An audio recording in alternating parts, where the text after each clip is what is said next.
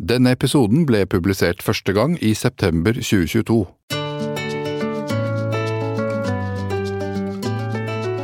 Hei og velkommen til Landbrukspodden, en podkast for deg som er opptatt av matproduksjon og norsk landbruk. Og sannsynligvis også dagens tema, nemlig dyrevelferd.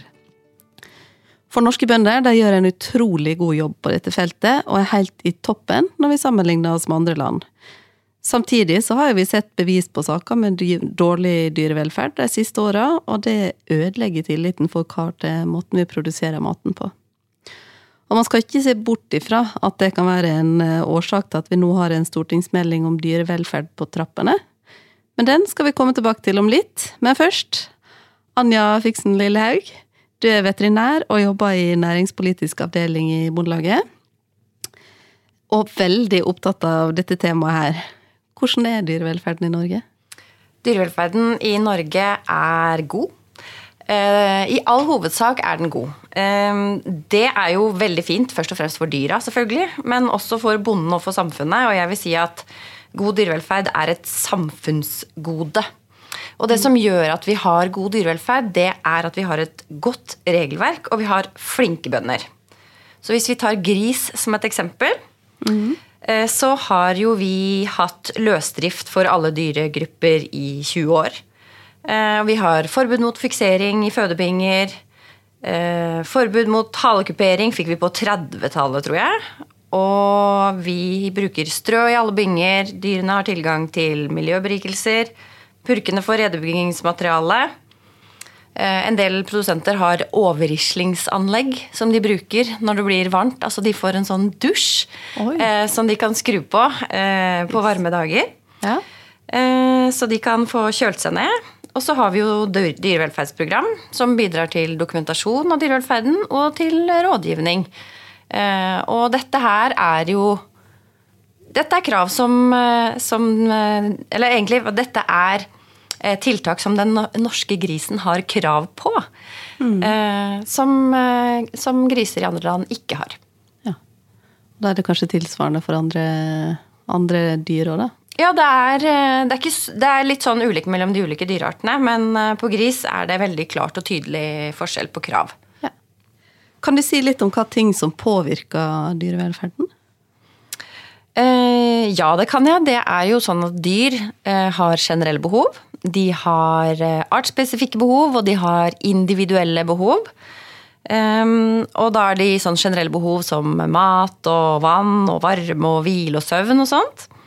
Eh, og artsspesifikke behov som sosial oppstalling. Det er jo litt ulike hvor sosiale de ulike dyreartene vi holder er. Ja. Eh, og hva slags grupper de foretrekker, og de ønsker å utøve normal atferd. Og de har en del atferdsbehov som er spesifikke for den enkelte arten. F.eks. strøbadeatferden til fjørfe. Så har de mer individuelle behov, og da kan man jo ta eksempler som helse og sår og skader. Um, og ulike aldersgrupper har ulike behov. Smågris for eksempel, vil jo gjerne ha det varmere enn purka. Ikke gjerne, den vil definitivt ha det varmere enn purka. Ja. Purka syns, uh, syns, det fort blir for varmt, og derfor så har man jo løst dette gjennom å ha et smågrishjørne med varmelampe, og ofte også varme i gulvet. Uh, og så ser man jo at det er der smågrisen velger å ligge. Og så kan purka ha det kaldere. Mm. Uh, og det er jo bondens jobb å legge til rette for at dette blir ivaretatt for dyra. Eh, og da vil jeg jo egentlig løfte fram at eh, for at bonden skal få til dette, eh, og samtidig trives over tid, for man er jo gjerne bonde i mange år, altså 20, 30, 40 kanskje til og med noen 50-60 år, mm. så trenger man en driftsøkonomi som sikrer at man har nok arbeidskraft. At man har nok tid til dyra og muligheter for å gjøre investeringer. Det vil jeg si er veldig viktig. Ja, for det tenkte jeg skulle spørre deg litt om. fordi det, jo, det har jo vært mye snakk om bondens økonomi. Ja. Og hvordan er det å skulle innfri masse krav, når man samtidig har en veldig pressa økonomi?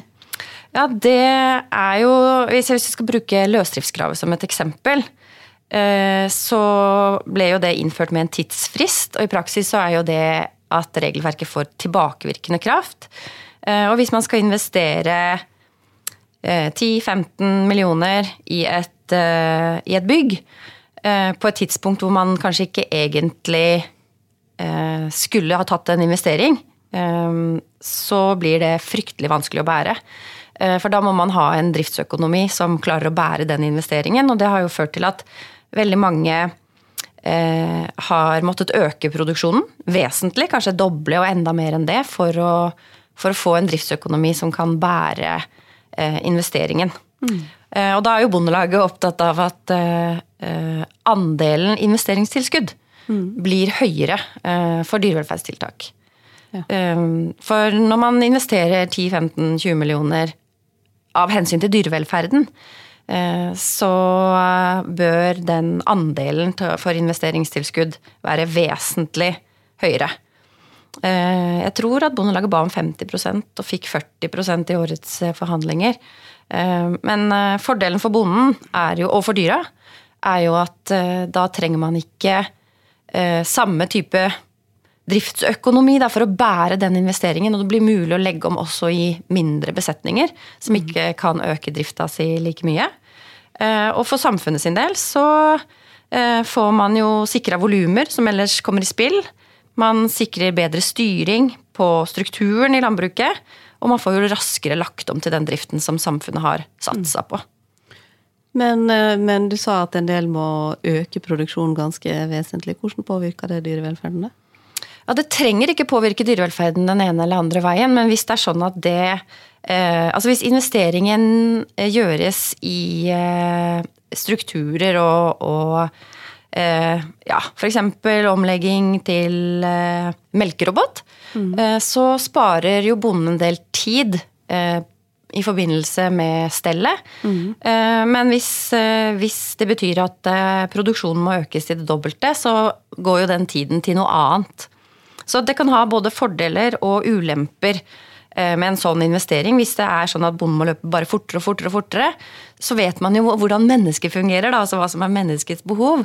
At man tåler jo selvfølgelig ulik belastning forskjellig.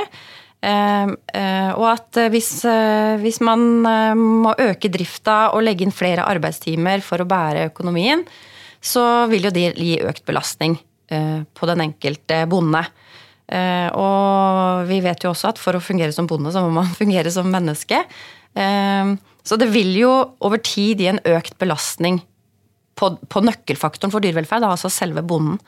Selv om jeg tror de jeg, ja, det er, en, det, er, det er, veldig fint å få lagt om til eh, løsdrift. Og jeg tror at de bøndene som har gjort det, er veldig fornøyd med den omleggingen. At de får gode hverdager eh, etter den omleggingen. Men det er de som står nå og lurer på er det mulig for meg å bære denne kostnaden. Eh, de står nok Ja, de sitter kanskje litt på gjerdet nå. Mm. Ja, og kanskje spesielt hvis man holder til en plass der det ikke nødvendigvis er så kjempeenkelt å utvide drifta så mye heller, så blir det jo ja, må man se på det på en litt annen måte. Ja, og da vil jo vi ha rett og slett høyere investeringsandel, så det skal bli mulig å legge om. Vi vil ha, eh, ha alle med videre, eh, og vi er helt avhengig av altså Hvis vi skal si hva er det også som påvirker dyrevelferden, og det er jo å ha et godt eh, og levende kollegialt miljø rundt seg. Og da må det være aktive husdyrbruk i hele landet. Eh, så man har gode kollegaer å kunne diskutere med hvis det er noe som som blir vanskelig i drifta, eller man kan hente inspirasjon, eller uh, ja, rett og slett bare diskutere hvordan løser du det her. Mm. For folk har jo veldig store forventninger til uh, hvordan man behandler dyra, og, og, tanker om hvordan det skal gjøres også. Selv om mange på en måte blir fjernere fra landbruket enn de har vært før, så er det jo flere som har mening om det, da. Og uh, det kan jo kanskje også være grunn til at det jobbes med en stortingsmelding for dyrevelferd nå. Når kom den forrige? Det er 20 år siden eh, forrige melding, så det er jo på tide med en eh, ny. Eh, det kan man si. Og så har jo Stortinget et vedtak som egentlig er mandatet for den meldinga som etter hvert kommer nå. Og selvfølgelig er en dyrevelferdsmelding noe Bondelaget er veldig opptatt av. For vi ser at rammebetingelsene for dyrehold Eh, det påvirker jo hele landbruket. Så F.eks. løsdriftskravet, som er et godt tiltak for dyrevelferden, men det har vært voldsomt strukturdrivende. Og vi er opptatt av at man har en plan for hvordan man skal finansiere sånne, denne typen krav. Da. Eh, og fra Bondelaget sin side så, så er vi jo eh, Altså vi tror det er bedre med en type krav som innføres for nybygg når folk uansett skal investere, enn for ombygging av eksisterende. Altså ikke innen en frist, men for en ny type bygg. Um, og så er det jo sånn at dyrevelferd er jo ikke et rent teknisk spørsmål om oppstallingsforhold og eh, arealkrav. Det er jo et samspill mellom dyr og mennesker. Og det å ha det gode dyreblikket, at man kan eh, se dyrene, se de individuelle behovene, utnytte eller benytte seg av situasjoner hvor dyra også er mottakelige for kontakt. Mm. Eh, og se det enkelte dyrets behov, i tillegg til å legge til rette for gruppa det dreier seg om den menneskelige faktoren, og det er det som er det aller viktigste for dyrevelferden. Det er bonden som er den viktigste. Mm. Hva krav du tror kan komme da, gjennom denne dyrevelferdsmeldinga? Ja, jeg vet ikke om jeg har lyst til å gå inn og tenke på hvilke krav, men jeg kan gjette hvilke momenter som kommer til å bli eh, diskutert og ja. belyst. Og da tror jeg at arealkrav eh, og behov Eh, knytta til areal. Både størrelsen på arealet, men også utformingen av eh, arealet vil bli diskutert for flere dyrearter. Eh, og så miljøberikelser tror jeg vil bli en del av diskusjonen. Mm. Og så står det jo litt i stortingsvedtaket om, om hva meldinga absolutt skal omtale. Altså det, det, skal utrede en del ting, og det er f.eks. utegang for gris. Eh, ønsker de å se på. Eh, og generelle tiltak for å bedre dyrevelferden for alle produksjoner. Men de løfter fram grisen eh, fra Stortingets side. Tror du det har noe med det, vi, det som var vist på NRK for en stund tilbake? At de velger å ta akkurat gris på det? Ja, jeg tror nok at det som er framme i media, også er framme i bevisstheten til politikerne. Mm. Eh, og at det er mer bevisstheten eh, som ligger til grunn enn eh, en faget, da, mm. hvis jeg skal være ærlig på det. At mm. det man fokuserer på og tenker på, det er også det man er mest opptatt av. og så blir det kanskje litt sånn selvforsterkende. Mm. Men vi er jo klare til å bidra i et meldingsarbeid. Vi har spilt inn Vi har sendt inn et innspill. Det ligger på nettsidene våre, så det kan jo alle som vil kikke på. Og der er vi opptatt av at, eh, at dette med krav i regelverk, da, at ikke det skal ha tilbakevirkende effekt, f.eks. Sånn som en frist i praksis får. Hvis man har en frist til en eller annen omlegging, så vil det få tilbakevirkende kraft. Og da blir jo investeringer verdiløse. Eh, og ja, hvis ikke hvis ikke bonden har økonomisk bæreevne til tiltakene, så stopper de seg selv. Sånn det er veldig viktig at eh, det som Eh, som skjer på dyrevelferd, at det er noe som er praktisk og økonomisk gjennomførbart. Uavhengig av om det blir krav, eller om det blir nye praksiser, eller, eller hvordan det blir, da, hvordan dyrevelferden skal utvikles, mm. så må det være praktisk og økonomisk gjennomførbart. Eller så får vi økt import. Redusert verdiskapning i Norge, redusert matsikkerhet og dyrevelferdslekkasje. Og det er det jo ingen som tjener på. Hva mener du med dyrevelferdslekkasje?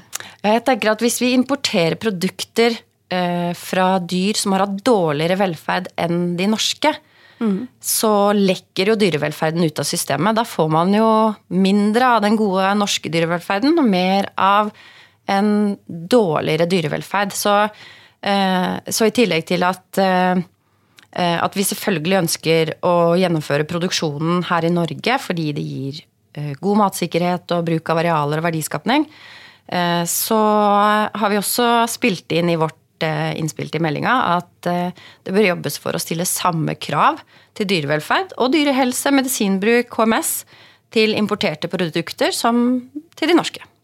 Ja, det, det mener jeg bare skulle mangle. Altså Når du står i butikken og skal velge, så må du vite at det du kjøper er ordentlig tenker jeg da. Men så fra forbrukerståstedet. Ja, jeg tenker også det. Altså, som, uh, I dyrevelferdsarbeidet så tenker jeg at man er enda mer borger enn forbruker. Uh, og at uh, måten å jobbe på, da, som Bondelaget tenker, det er det viktigste vi gjør, er å jobbe for god dyrevelferd for alle dyr. at det er viktigere både som borger og bonde og landbruk og for dyra enn å fokusere på et premiumsegment med veldig god, helt annerledes dyrevelferd, kanskje, eh, for bare en liten gruppe med dyr. Ja, det høres veldig fornuftig ut. Men vi har medlemmer til Bondelaget vært involvert i det innspillsarbeidet du nevnte? Ja, det var jo eh, veldig dårlig tid til dette arbeidet, vi må bare si det. Så jeg håper jo at eh, Landbruks- og matdepartementet som skal skrive meldinga, tar seg bedre tid enn det den opprinnelige eh, tidsløypa legger opp til. For fristen for å sende innspill var 1.9. Og da sendte vi ut en Questback til medlemmer, og jeg tror nok at medlemmene syns det var veldig kort frist for å få svart på den Eh, spørreundersøkelsen. Og der stilte vi noen spørsmål om eh, hva, hva våre medlemmer er opptatt av knytta til dyrevelferd. Eh, hva de tror vil gjøre det altså hva som er de beste tiltakene for å videreutvikle og sikre god dyrevelferd. Og det svarte de på. Og jeg tror at, at vi skal være klar over at vi er jo i en veldig pressa situasjon. Både ja, økonomisk med økende kostnader, og at våre medlemmer sier ifra også i dyrevelferdsarbeidet. Eh, det er nødt til å være økonomisk bærekraftig, det som kommer. Vi ønsker oss tid til å stelle dyra eh, og være fysisk til stede. Eh, så en driftsøkonomi som sikrer nok arbeidskraft, nok tid og mulighet til å gjøre investeringer, det sier medlemmene tydelig fra at er veldig viktig for dyrevelferdsarbeidet også framover. Mm. Og det er det vi har spilt inn videre, da? Det har vi spilt inn. Ehm, det er eh, dette med økonomi og tid og HMS og eh, ja, rett og slett rammebetingelsene, da. Eh, det er jo sånn at de mest alvorlige dyrevernsakene knytter seg til andre problemer. Altså gjerne personlige problemer eller alvorlige problemer med drifta. Mm. Så vi har jo også foreslått et gratis rådgivningssystem til dyrehold med driftsproblemer. Um, og det er rett og slett for at hvis ja, hvis man har havna i en situasjon hvor man enten løper så fort, eller at det er andre kriser da, som har truffet en som menneske, som gjør at hverdagen ikke går opp, så trenger man kanskje hjelp uh, til økonomi. Altså man trenger økonomisk rådgivning. Eller hvis det er manglende kompetanse, Eh, så kan det være at, det, at det holder med eh, praktisk rådgivning om husdyrproduksjon. Kan det være noe med fòring, stell, rutiner, tidsbruk, prioriteringer i hverdagen som kan gjøres bedre. Og av og til, rett og slett, så er det behov for veivalgsrådgivning. Og bare ta en fot i bakken og tenke ok, nå er det mange alvorlige vedtak. Mattilsynet er kobla på. De bruker opptrappende virkemidler.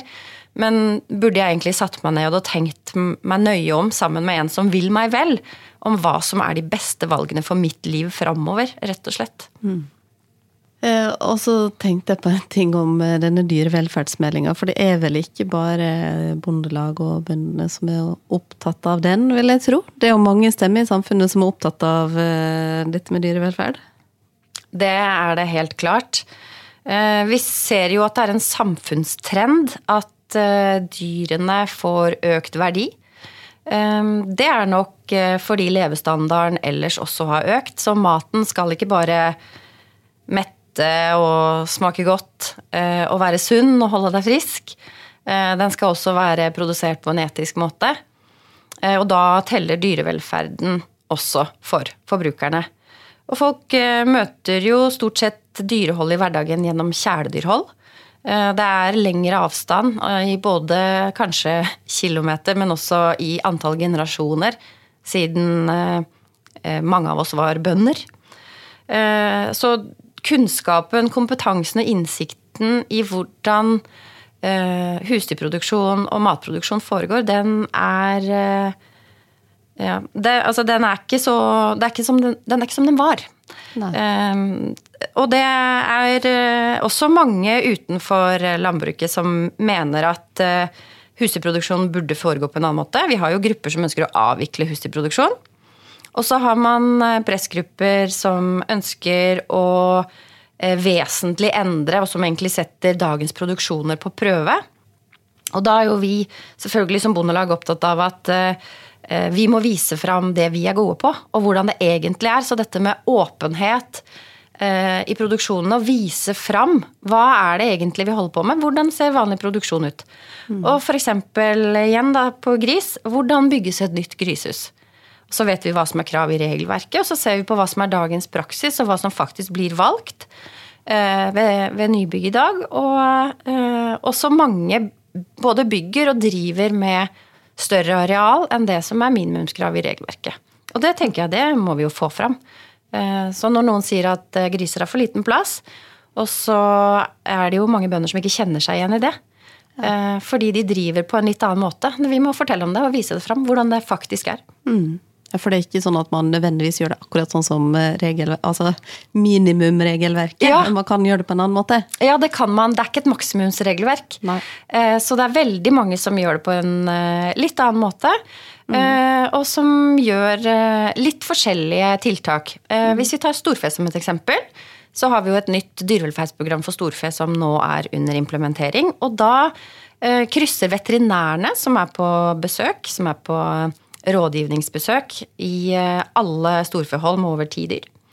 De krysser av for at 85% av bøndene gjør dyrevelferdstiltak utover regelverket. Og de gjør masse forskjellig, fordi hva som passer i ett fjøs, er kanskje ikke det som passer i det neste fjøset, men 85% har tiltak utover eh, kravene i regelverket. Det er veldig bra. Ja, Det er jo veldig bra tall. Men hva, hva type tiltak kan det være, da?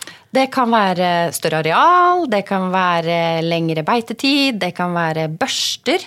Eller børsting, avhengig av om det er løsdrift eller båsfjøs. Mm. Eh, masse forskjellig. Kalveoppstalling, eh, eh smokk. Ja. Smokk? Ja, til kalv.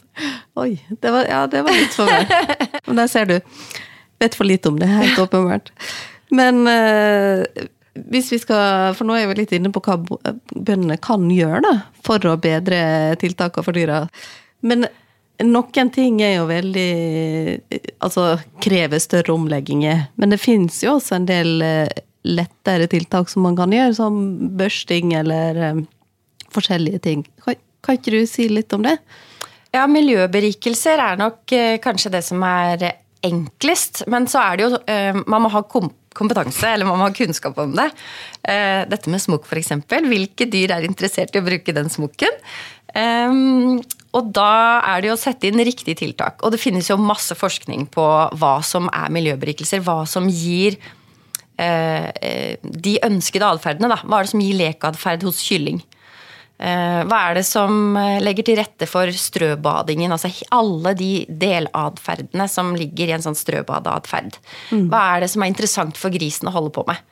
Eh, og så ligger det en del anbefalinger ute som man kan følge.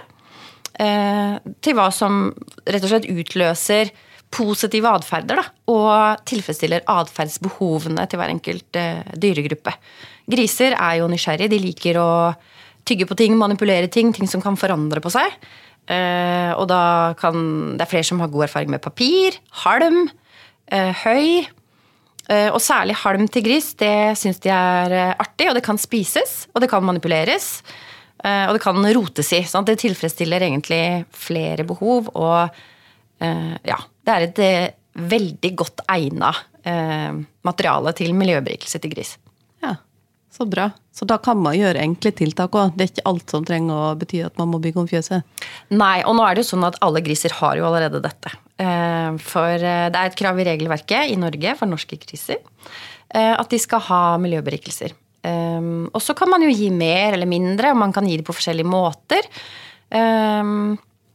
Og så er det jo Til det der med areal, så, så er det jo ikke sånn at at alle driver på samme måte. Eh, noen finner bedre økonomi i å øke arealet til grisene. Eh, F.eks.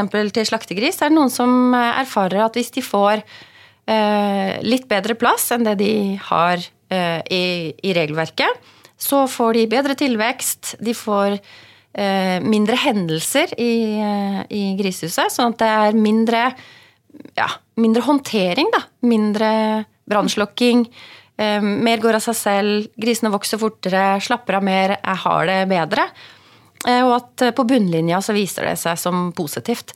Men det er litt at hvis man leter etter de gode tiltakene eh, og bruker det nettverket man har Det er jo gode strukturer for nettverk i landbruket. De ulike varemottakerne og avlsorganisasjonene har kursing, møtevirksomhet som man kan melde seg på. Og så er det dette med det levende produsentmiljøet. Da. At man har noen i sitt kanskje geografiske nærområde som driver med noe av det samme. Mm. Så hvis man danner ja, rett og slett gode nettverk rundt seg, så, så, kan man jo lære litt av andre og diskutere litt ja, hva er din erfaring med det. Uh, og så skal man jo ikke heller utelukke at noe funker for en sjøl, selv, selv om andre har litt dårlig erfaring med det. Da er jo et eksempel mykt underlag til purker. og det er jo da type matter til purker. Det er veldig ulik erfaring folk har med det. Noen har veldig god erfaring, noen har veldig dårlig erfaring. Og som bondelag er jo vi opptatt av det som heter erfaringsbasert kunnskap. At vi må bli flinkere, enda flinkere, til å systematisere erfaringsbasert kunnskap og bruke det i vår rådgivning. Det skjer allerede, men der kan vi bli enda bedre. Og så eh, tilbake til dette med at mange forskjellige er opptatt av eh, dyrevelferden. Kan vi risikere altså, Kan alle komme med innspill til denne meldinga? Ja, det, det, kan de. Ehm, dette legger, eh, altså innspillene legges ut på Landbruks- og matdepartementet sin side. Og der legger alt fra dyrevernere til eh, privatpersoner til næringsorganisasjoner og Veterinærinstituttet, NMBU, eh, altså kunnskapsinstitusjoner, legger inn sine innspill. Og så får jo Landbruks- og matdepartementet, de som skal skrive meldinga, de ser jo på dette. Men så er det jo til syvende og sist politikerne som bestemmer. Ehm, eh, så hvis det er sånn at eh, eh, vi ikke vil noe selv, så blir det som noen andre vil. For det er nok av folk som vil noe der ute. Så vi må ville noe. Vi må peke i hvilken retning vi mener dyrevelferdsarbeidet skal gå. Og da er jo vi som sagt opptatt av at vi, vi som landbruk vi må kunne stole på at de tiltakene som, som kommer, og som er allerede, de må være økonomisk bærekraftige. Altså De må ikke gå utover bondens økonomiske bæreevne, for da stopper de seg selv. Og igjen, vi får import istedenfor nasjonal produksjon. Det taper jo både dyr og Norge på. Mm. Så det der at vi har politikere som, som eh, eh, ja, rett og slett er kloke da, i valgene sine framover Eh, og som, som, er med på å prioritere og komme i mål med løsningene. For hvis vi som landbruk kan stole på at det som kommer av tiltak, er praktisk og økonomisk gjennomførbart for oss, at vi får investeringsstøtte eh, i en så stor grad at vi klarer å legge om eh, til en type drift dersom det blir krav om det, altså løsdriftskravet som et eksempel, Eh, så, så lykkes vi. For landbruket vil dyrevelferd. Eh, og vi kan dyrevelferd. Eh, men vi er, nok, vi er nok ikke så flinke til å vise fram det vi gjør bra. Så hvis vi ber med oss politikere ut, viser de fram fjøset, ser hvordan dette fungerer, viser det vi gjør i hverdagen, lærer de litt om dyra, da. Den mm. praktiske så har jeg tro på at eh, vi blir lytta til. Det er tross alt vi som holder på med dette. Mm. Det er det. Det er stor kunnskap om det, så det er veldig viktig. Men det er jo kanskje en oppfordring også da, om at våre medlemmer må engasjere seg i dette arbeidet her, med dyrevelferdsmeldinga? Ja. Engasjere seg i arbeidet med dyrevelferdsmeldinga, og vær, vær eh, åpen for å vise fram det du driver med. Eh, vær stolt Eh, og vær åpen. Og hvis noen spør om kan jeg få ta med en politiker i ditt fjes, så si ja. For det er så verdifullt. Én ting er at det er verdifullt for den politikeren og for den enkelte bonden. Fordi man får gode samtaler i denne typen møter, men det er veldig verdifullt for landbruket. Mm.